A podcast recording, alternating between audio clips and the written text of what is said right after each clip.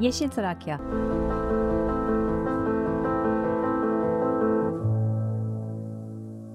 Herkese merhaba. Haftanın ilk iş gününde saatlerimiz 14'ü gösteriyor ve yepyeni bir Yeşil Trakya programı ile karşınızdayız. Ben program yapımcınız ve sunucunuz Tuğba Doğru. Her pazartesi Trakya Üniversitesi Radyo Güne Bakan'da bizlere ayrılan saatte Çevre Dostu Yeşil Trakya programımızda değerli misafirlerimizle farklı konulara yer veriyoruz. Bizlere üniversite web sayfamızda yer alan Radyo Güne Bakan canlı dinle alanından ve uygulamalar üzerinden ulaşan tüm dinleyicilerimize hoş geldiniz diyerek programımıza başlayalım. WhatsApp numaramızı ve e-posta adresimizi hatırlatalım sizlere. WhatsApp numaramız 0284 235 45 41 0284 235 45 41 E-posta adresimiz Türkçe karakter kullanmadan radyogunebakan.trakya.edu.tr radyogunebakan.trakya.edu.tr Bugün tekstil ve moda endüstrisinin çevreye verdiği zararlar, hızlı tüketim alışkanlıkları ve buna bağlı olarak ortaya çıkan ve çevremizi olumsuz yönde etkileyen sonuçlarla firmaların başa çıkma yöntemleri hakkında konuşacağız. Konuğumuz Trakya Üniversitesi Teknik Bilimler Meslek Yüksekokulu'ndan Doktor İsmail Yüce. Aslında İsmail Hocam daha önce de katılmıştı Radyo Güne Bakın bir programına. Bugün ikinci sanırım onun da programı olacak. Hocam öncelikle hoş geldiniz. Kısaca sizi tanıyabilir miyiz? Hoş buldum Tuğba Hanım. Ben İsmail Yüce, öğretim görevlisiyim. Teknik Bilimler Meslek Okulu'nda tekstil giyim programında çalışıyorum. Doktoramı bu yaz tamamladım. Bunun dışında öğrencilerimizle giyim programında kıyafetler dikiyoruz. Kalıplar çıkarıyoruz. Yani giysi kalıplarını çıkarıyoruz. Bu şekilde hocam. Moda endüstrisine yeni kazanımları aslında destek oluyorsunuz. Evet yani bizim öğrencilerimiz moda tasarımcı olarak dan ziyade yani giysilerin üretimi ve bu giysilerin kalıplarının çıkarılması üzerine ön hazırlık aşamaları. evet eğitimlerini evet. alıyorlar. Evet çok güzel. Son yıllarda doğal kaynak kullanımındaki artışın içinde su kaynakları kullanımının da oranı oldukça yüksek. Tekstil sektörü suları yoğun miktarda kullanan ve kirleten sektörlerden bir tanesi. Dünyada endüstriyel kaynaklı atık suların yaklaşık %20'si tekstil üretimi sonucunda ortaya çıkıyor. Bu bilgiye sahibiz. Bunun yanı sıra tekstil üretiminde pek çok kimyasal madde kullanımı da mevcut. Bu açılardan bakacak olursak tekstil sektörünün çevreye verdiği etkinin boyutu ile ilgili neler söyleyebiliriz? Evet yani tekstil sektörü dediğiniz gibi genel olarak suyu oldukça fazla tüketimine sebep olan bir sektör. Ben tekstil sektöründe su tüketimini iki farklı şekilde sınıflandırabilirim. Bunlardan bir tanesi ürün üretilirken yani bir kumaş üretilirken harcanan gerekli olan su miktarı. Diğeri ise firmalarda çalışanların ihtiyaçları için kullanılan su miktarı. Bu ikinci saydığım zaten her sektörde olan su tüketimi. Ancak birinci yani ürün üretilirken harcanan su miktarı tekstil firmalarında oldukça fazla su tüketimine neden olmaktadır. Bunun çeşitli sebepleri vardır. Özellikle doğal liflerde olan pamuk, yün gibi lifler kendi doğasından gelen bazı safsızlık dediğimiz malzemeler içerler, maddeler içerler. Bunların giderilmesi için su tüketimi oldukça fazla kullanılmaktadır. Su fazla kullanılmaktadır. Buna da terbiye deriz. Yani terbiye sektör deriz. Zaten tekstilde su tüketiminde en yüksek oran terbiye işlemlerine aittir. Yani kumaşın boyanması, basılması, renklendirilmesi gibi işlemler bu terbiye işlemleri.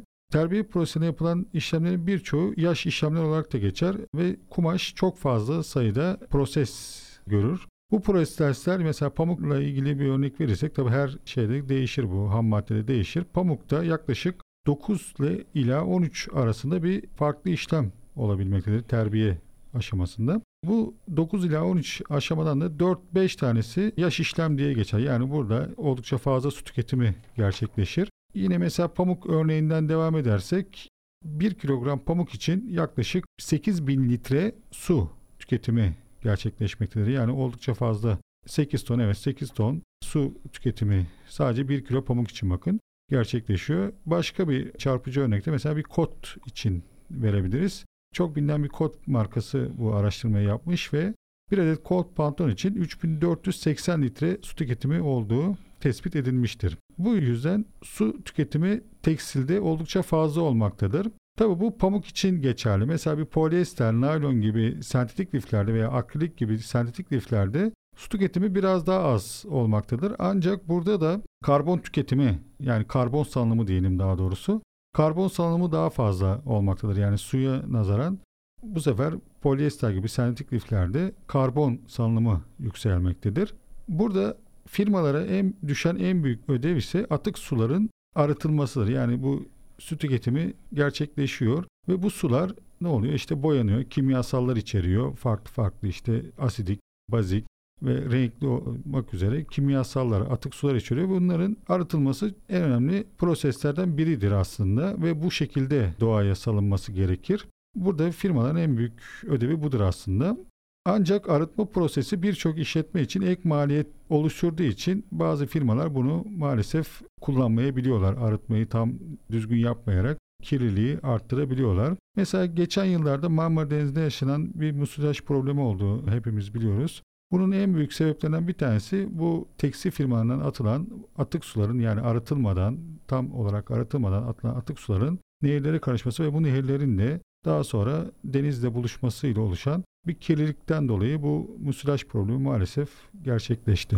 Yani atık suyun arıtılması gerçekten çok önemli bir konu. Buna yeterince dikkat özen gösterilirse aslında bu kadar çok belki de kirlilik boyutuna ulaşmayacak. Bizlere de etkisi daha az olacak aslında. Evet, Çünkü evet. nehirlerden denizlere, denizlerden bizlere derken çok geniş kitlelere, e, Evet. alanlara yayılma durumu var. Yani Kirliliğin. tarlalarda da mesela bu işte kullanılan sular yani atılan sular maalesef tarlalarda da sulama yapılmaktadır. Bu da ne oluyor? İşte ister istemez o ürünün de zehir içeriğini, toksik içeriğinin artmasına neden olmaktadır. Bu yüzden hem kendi sağlığımız için hem çevre sağlığı için bunlara çok çok dikkat edilmesi gerektiğini düşünüyorum.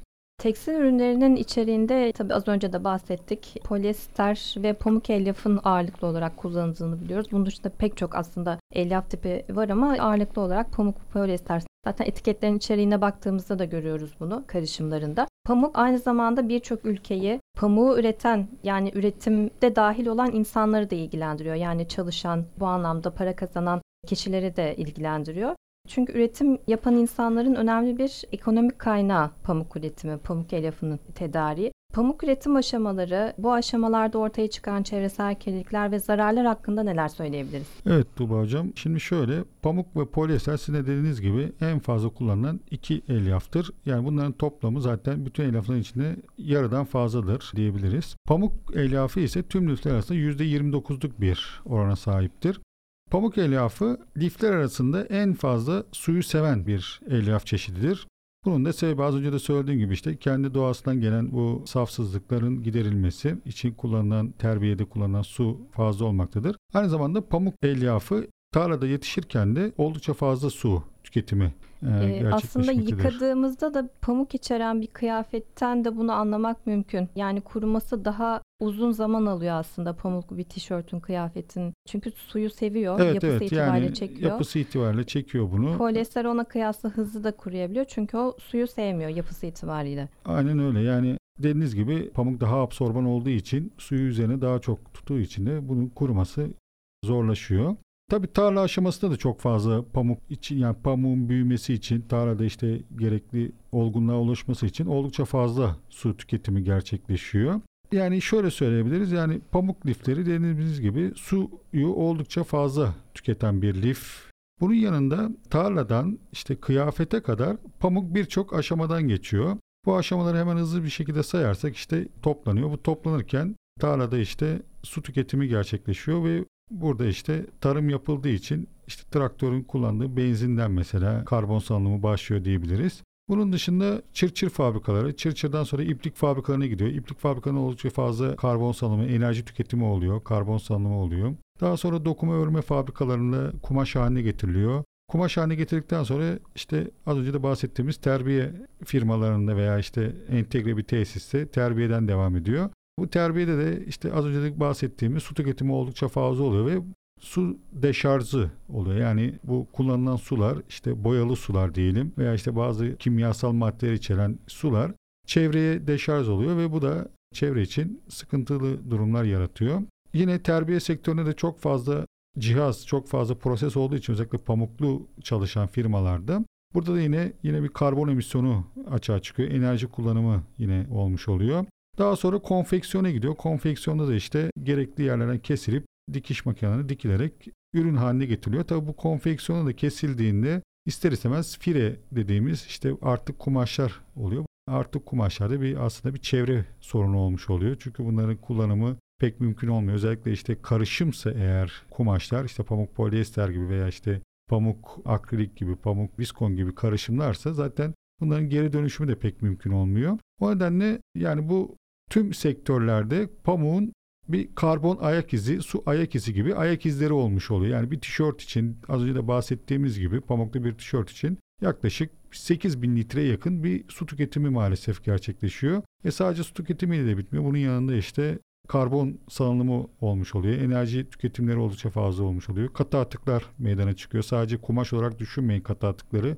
İşte bunun paketleme sırasında işte paketlerde kullanılan naylonlar olsun. Bunlar hep bir atık olarak bizim çevreye maalesef saldığımız, çevreye mecburen verdiğimiz ürünler oluyor. Bu nedenle yani bu aslında sadece pamuk için değil yani bütün aslında elyaflar için geçerli bir durum. Ancak pamuk içinde oldukça fazla bu su ayak izi, karbon ayak izi gibi ayak izlerimiz maalesef olabilmektedir. Bu yüzden bunlara dikkat etmek gerekir. Yani işte az önce bahsettiğimiz gibi deşarj edilen suların, kimyasalların muhakkak arıtılması gerekir. Ve yani bu ürünleri kullanırken mümkün olduğunca uzun süreler, uzun seneler bunları yani hızlı moda değil de daha ziyade şu an günümüzde oldukça fazla dillendirilmeye başlanan yavaş moda akımına uyulması bence daha doğru olur diye düşünüyorum. Evet. Tekstil üretimi için yıllık milyon tonlarla belirtilen kimyasal maddeler de kullanılıyor aslında su dışında. Çamaşır makinalarında da yıkama sonucunda bu kimyasallar bir şekilde renk de vererek atık sulara karışıyor. Kimyasalları düşünerek bu açıdan bakacak olursak insan sağlığına etkileri ne boyutlarda yani zararı anlamında neler söyleyebiliriz ve zararlı olduğu evet belli bu anlamda firmaların uygulamalarını takip eden denetleme sistemleri var mıdır? Yani kimyasalların makul seviyelerde kullanılması gerektiği ile alakalı. Bu sertifikasyon sistemi nasıl işliyor? Şöyle söyleyebiliriz yani bu kullanılan kimyasallar özellikle işte tene değen çamaşırlar olsun ne bileyim tene değen diğer kıyafetlerimiz olsun oldukça dikkat edilmesi gereken alırken tüketicilerine dikkatli seçim yapması gerektiren ürünler. Çünkü kullanılan mesela azo boyar maddeler veya işte ağır kimyasal, ağır metal içeren boyar maddeler veya diğer kimyasallar içeren ürünler bizim tenimize değdiği için bunlar ister istemez bize zararlı bir ürün olarak yani tenimizde sonuçta bir alışveriş yapıyor işte terle, terleme yoluyla çevresiyle bir alışveriş yapıyor. Bu alışverişte bu ağır metallerin, bu kimyasalların hücrelerimizden geçişi söz konusu olabilmektedir. Bu nedenle üretilen ürünlerin oldukça dikkatli seçilmesi ve buna göre kullanılması gerekir. Yani kimyasalların da firmaların kullanırken kanserojen olmayan doğa dostu, daha insan tenine dost ürünler kullanması gerekir. Firmalar içinde bu denetleniyor aslında. Ecotex dediğimiz bir sertifika var. Ecotex 100 standartları var. Bu Ecotex dediğimiz sertifika ilk işte 90 yanlış hatırlamıyorsam 90'lı yıllarda başladı. Ve firmalar bunu özellikle yurt dışına ihracat yapan firmaların alması şart koşulmaktadır. Ecotex 100 sertifikasını. Ecotex 100 sertifikası tüketiciye ürünün sağlığa zararlı olmadığının kanserojen madde, azo boyalar, formaldehit, fenol, böcek öldürücüler, ağır metaller ve alerjik boyaların ekolojik standartlara uygun olduğunun garantisidir aslında. Ecotex etiketleri ve sertifikaları tekstil değer zinciri boyunca üretimin tüm aşamalarında yani ham madde, ham elyaflar, iplikler, kumaşlar, kullanıma hazır son ürünler gibi tüm aşamalarda tekstil ürünlerinin ve deri eşyalarının insan ve ekolojik güvenliğini onaylayan bir sertifikadır.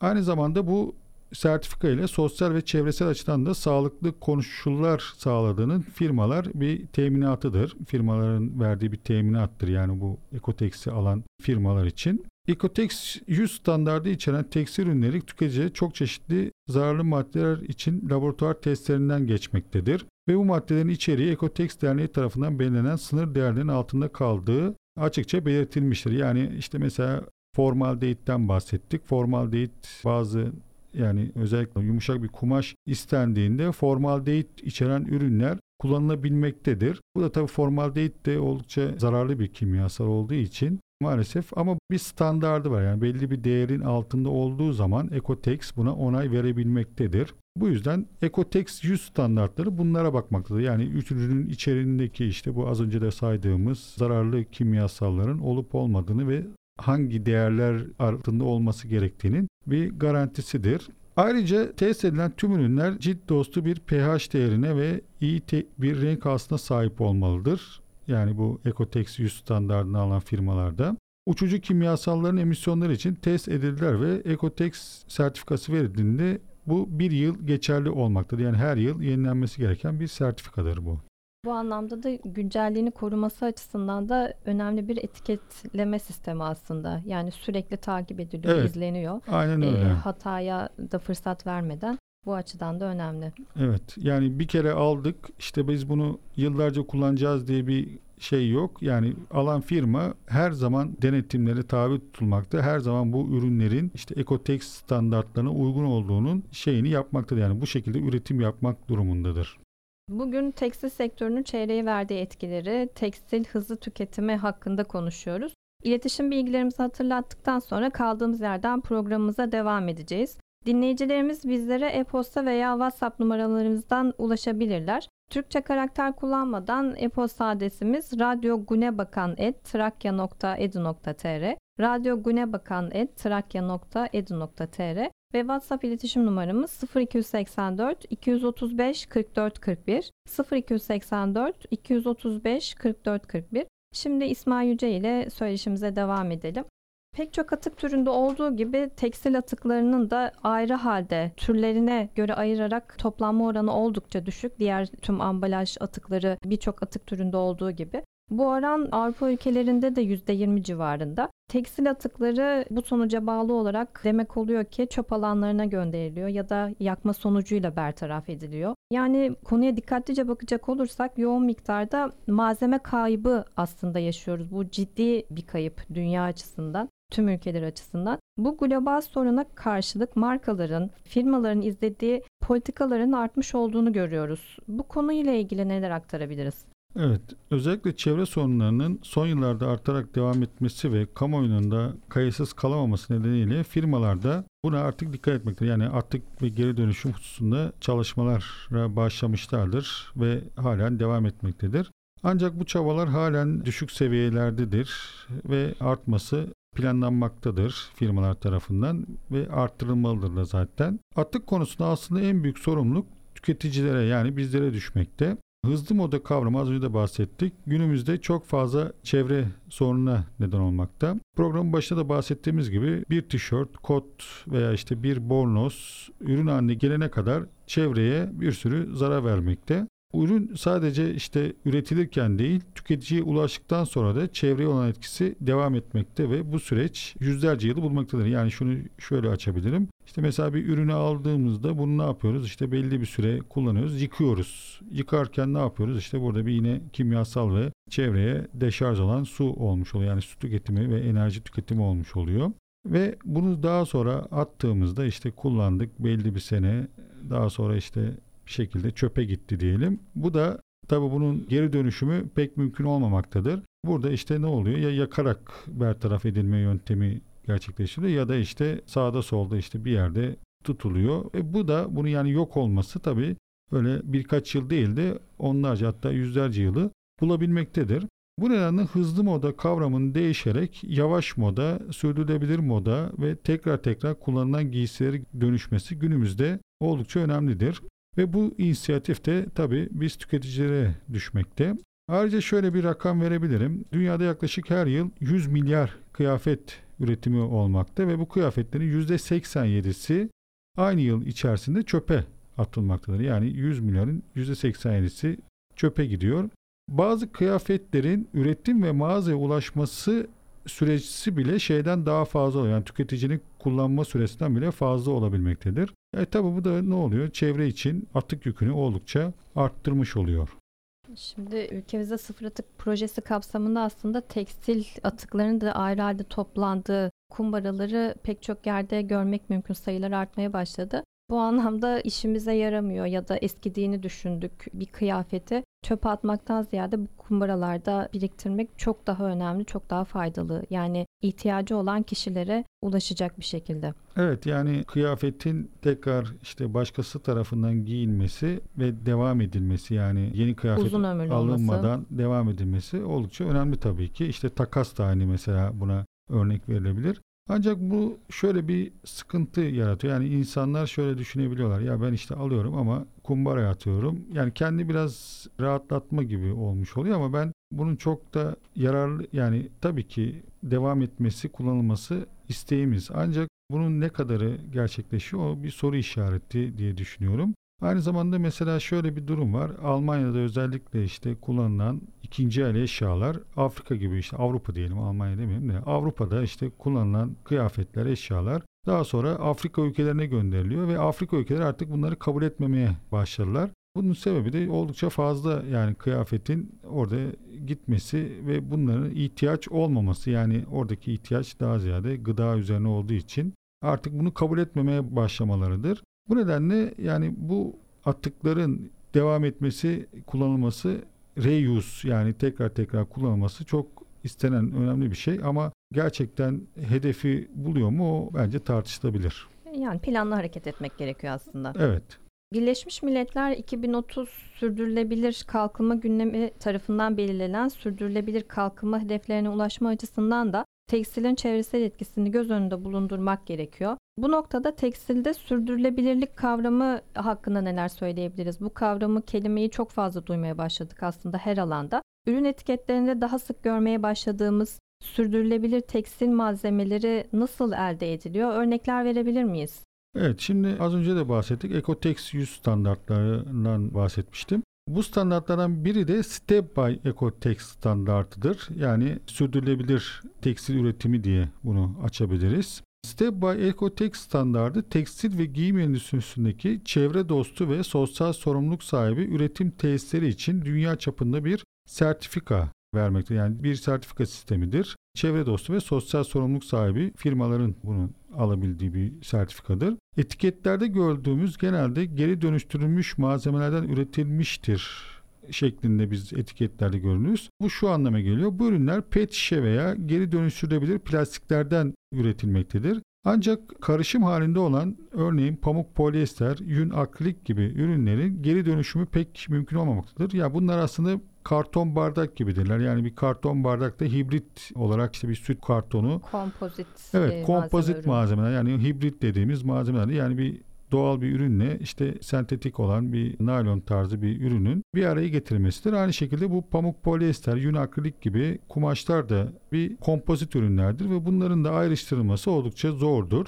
Sentetik ürünlerin geri dönüştürülerek elde edildiği sentetik ürünleri üretirken oldukça fazla tabii karbon salımı olmaktadır. Yani geri dönüşüm olmaktadır ancak bu geri dönüşüm çevreye zararsızdır diye bir şeyden bahsedemeyiz. Çevreye zararın minimum indirilebilmesi için tüketicinin aldıkları tekstil ürünlerini uzun yıllar tüketmeleri ve üreticilerin de su, gaz ve katı atıklarını çevreye zarar vermeden salmaları gerekir. Aynı zamanda sentetik liflerden biri olan polivinil alkol lifleri de tekstilde kullanılmaktadır. Bu polivinil alkol lifleri belli bir süre sonra yok olabilen yani yok olma süresi daha kısa süren bir elyaf çeşididir ve bunların kullanımı polyester, işte naylon, polyamit, akrilik veya polipropilen gibi sentetik liflerin yani daha uzun ömürlü, uzun zincirli, kolay kolay doğada çözülemeyen liflerin yerine kullanılması tercih edilmelidir diye düşünüyorum. Aynı zamanda pamuk liflerinin üretimi de organik yöntemlerle yapılmalı. Yani işte pamuk tarladayken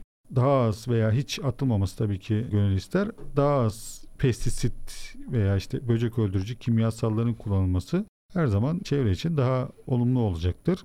Genellikle de bebek ya da çocuk kıyafetleri için bu organik ürün sertifikası isteniyor. Yani daha az hani zararlı kimyasal içermesin, bebeğe de bu anlamda sağlığına zarar vermesin. Bu açıdan da organik ürün sertifikaları da mevcut. Evet evet yani dediğiniz gibi işte bebekler özellikle gelişim aşamasında özellikle çok fazla bu ürünleri tükettiği için ve hızlı bir şekilde kullanıldığı için bu ürünler çok fazla kullanıldığı için bu ürünlerin organik pamuk olması yani kimyasal içermemesi gerekmektedir. Mesela şöyle bir örnek verebiliriz. Eskiden işte yapılan doğal boyalar da bu konuda bence oldukça fazla tüketilmesi gerekir. Yani doğal boyalar işte Edirne'de çalışmaları devam eden işte bu Rubia tinctorium işte Edirne kırmızı çalışmalarında kullanılan evet, doğal sizin boyalar. Sizin de dahil olduğunuz çalışmada. Evet yani e, bu ürünlerin bu boyaların yapılması ve bunların da artarak yani tüketicinin de bunları aslında talep ederek gitmesi biraz daha çevre konusunda atığın azaltılmasını sağlayacaktır ve bu şekilde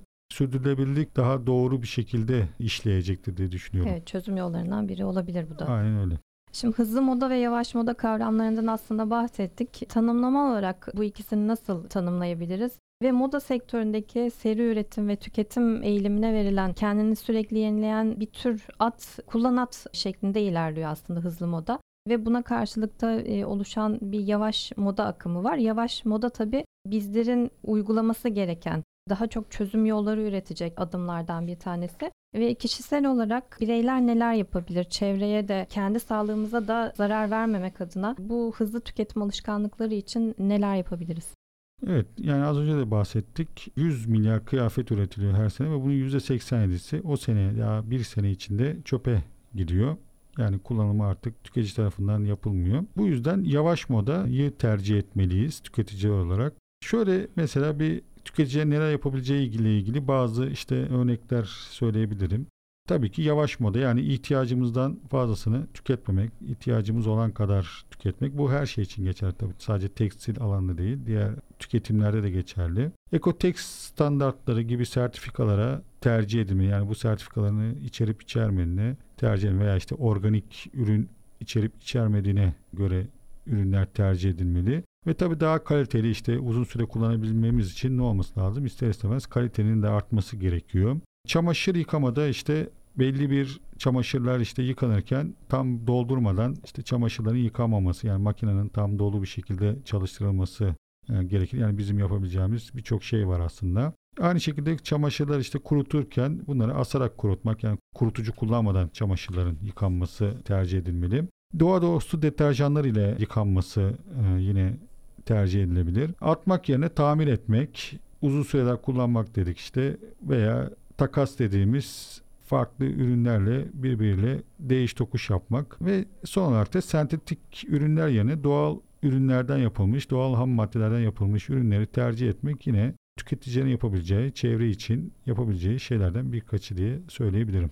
Evet, bugün içinde yoğun olarak bulunduğumuz tekstil sektörü yani kullandığımız kıyafetler, giysilerimiz aslında giysi odaklı konuştuk bugün ama ev tekstili de bunun içerisinde ya da oturma gruplarında, koltuklarında, otomobillerde kullanılan tüm bu teknik kumaş tipleri de tekstilin ayrı bir parçası. Aksesuarlar dahil, üretim aşamaları geniş alanlara yayılan adımları var. Bir kıyafeti hani satın aldık, giyiyoruz ama bir tişörtün, bir bluzun bile hazır olma aşamasına kadar ne aşamalardan geçtiğini, bu anlamda tekstilde en çok suyun kullanıldığını, atık su miktarının oluştuğunu gördük. Kimyasallardan bahsettik ve hızlı tüketim, oda tüketimi tüketim alışkanlıkları ve bizlerin bireysel olarak bu anlamda yapabileceği çözüm yolları neler olabilir? Basit yöntemler neler olabilir? Onları konuştuk. İsmail Yüce'yi de bugün konuğumuz. Hocam hoş geldiniz. Tekrar iyi ki geldiniz programımıza. Ben de uzun süre tekstil sektöründe çalıştığım için böyle benim için de geriye gitmiş oldum biraz. O günleri evet. hatırladım. o ortamları tekrar gözümün önünde canlandırdım. Çok teşekkürler verdiğiniz detaylı, faydalı bilgiler için. Umarız dinleyicilerimiz için faydası olmuştur.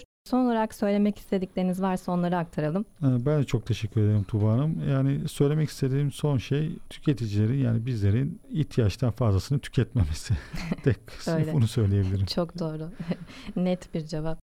Trakya Üniversitesi Radyosu Radyo Güne Bakan'da farklı içerikleriyle bir çevre dostu Yeşil Trakya programı ile daha sizlerleydik. Tekrarını dinlemek isteyenler ya da programı kaçıranlar bizleri Spotify uygulamasından dinleyebilirsiniz. Bu hatırlatma tüm Radyo Güne Bakan programları için geçerli. Çevresini seven tüm dinleyicilerimizi önümüzdeki hafta pazartesi günü saatleri 14'ü gösterdiğinde Radyo Güne Bakan'ı bekliyoruz. Haftaya yeniden görüşmek dileğiyle sağlıkla kalın.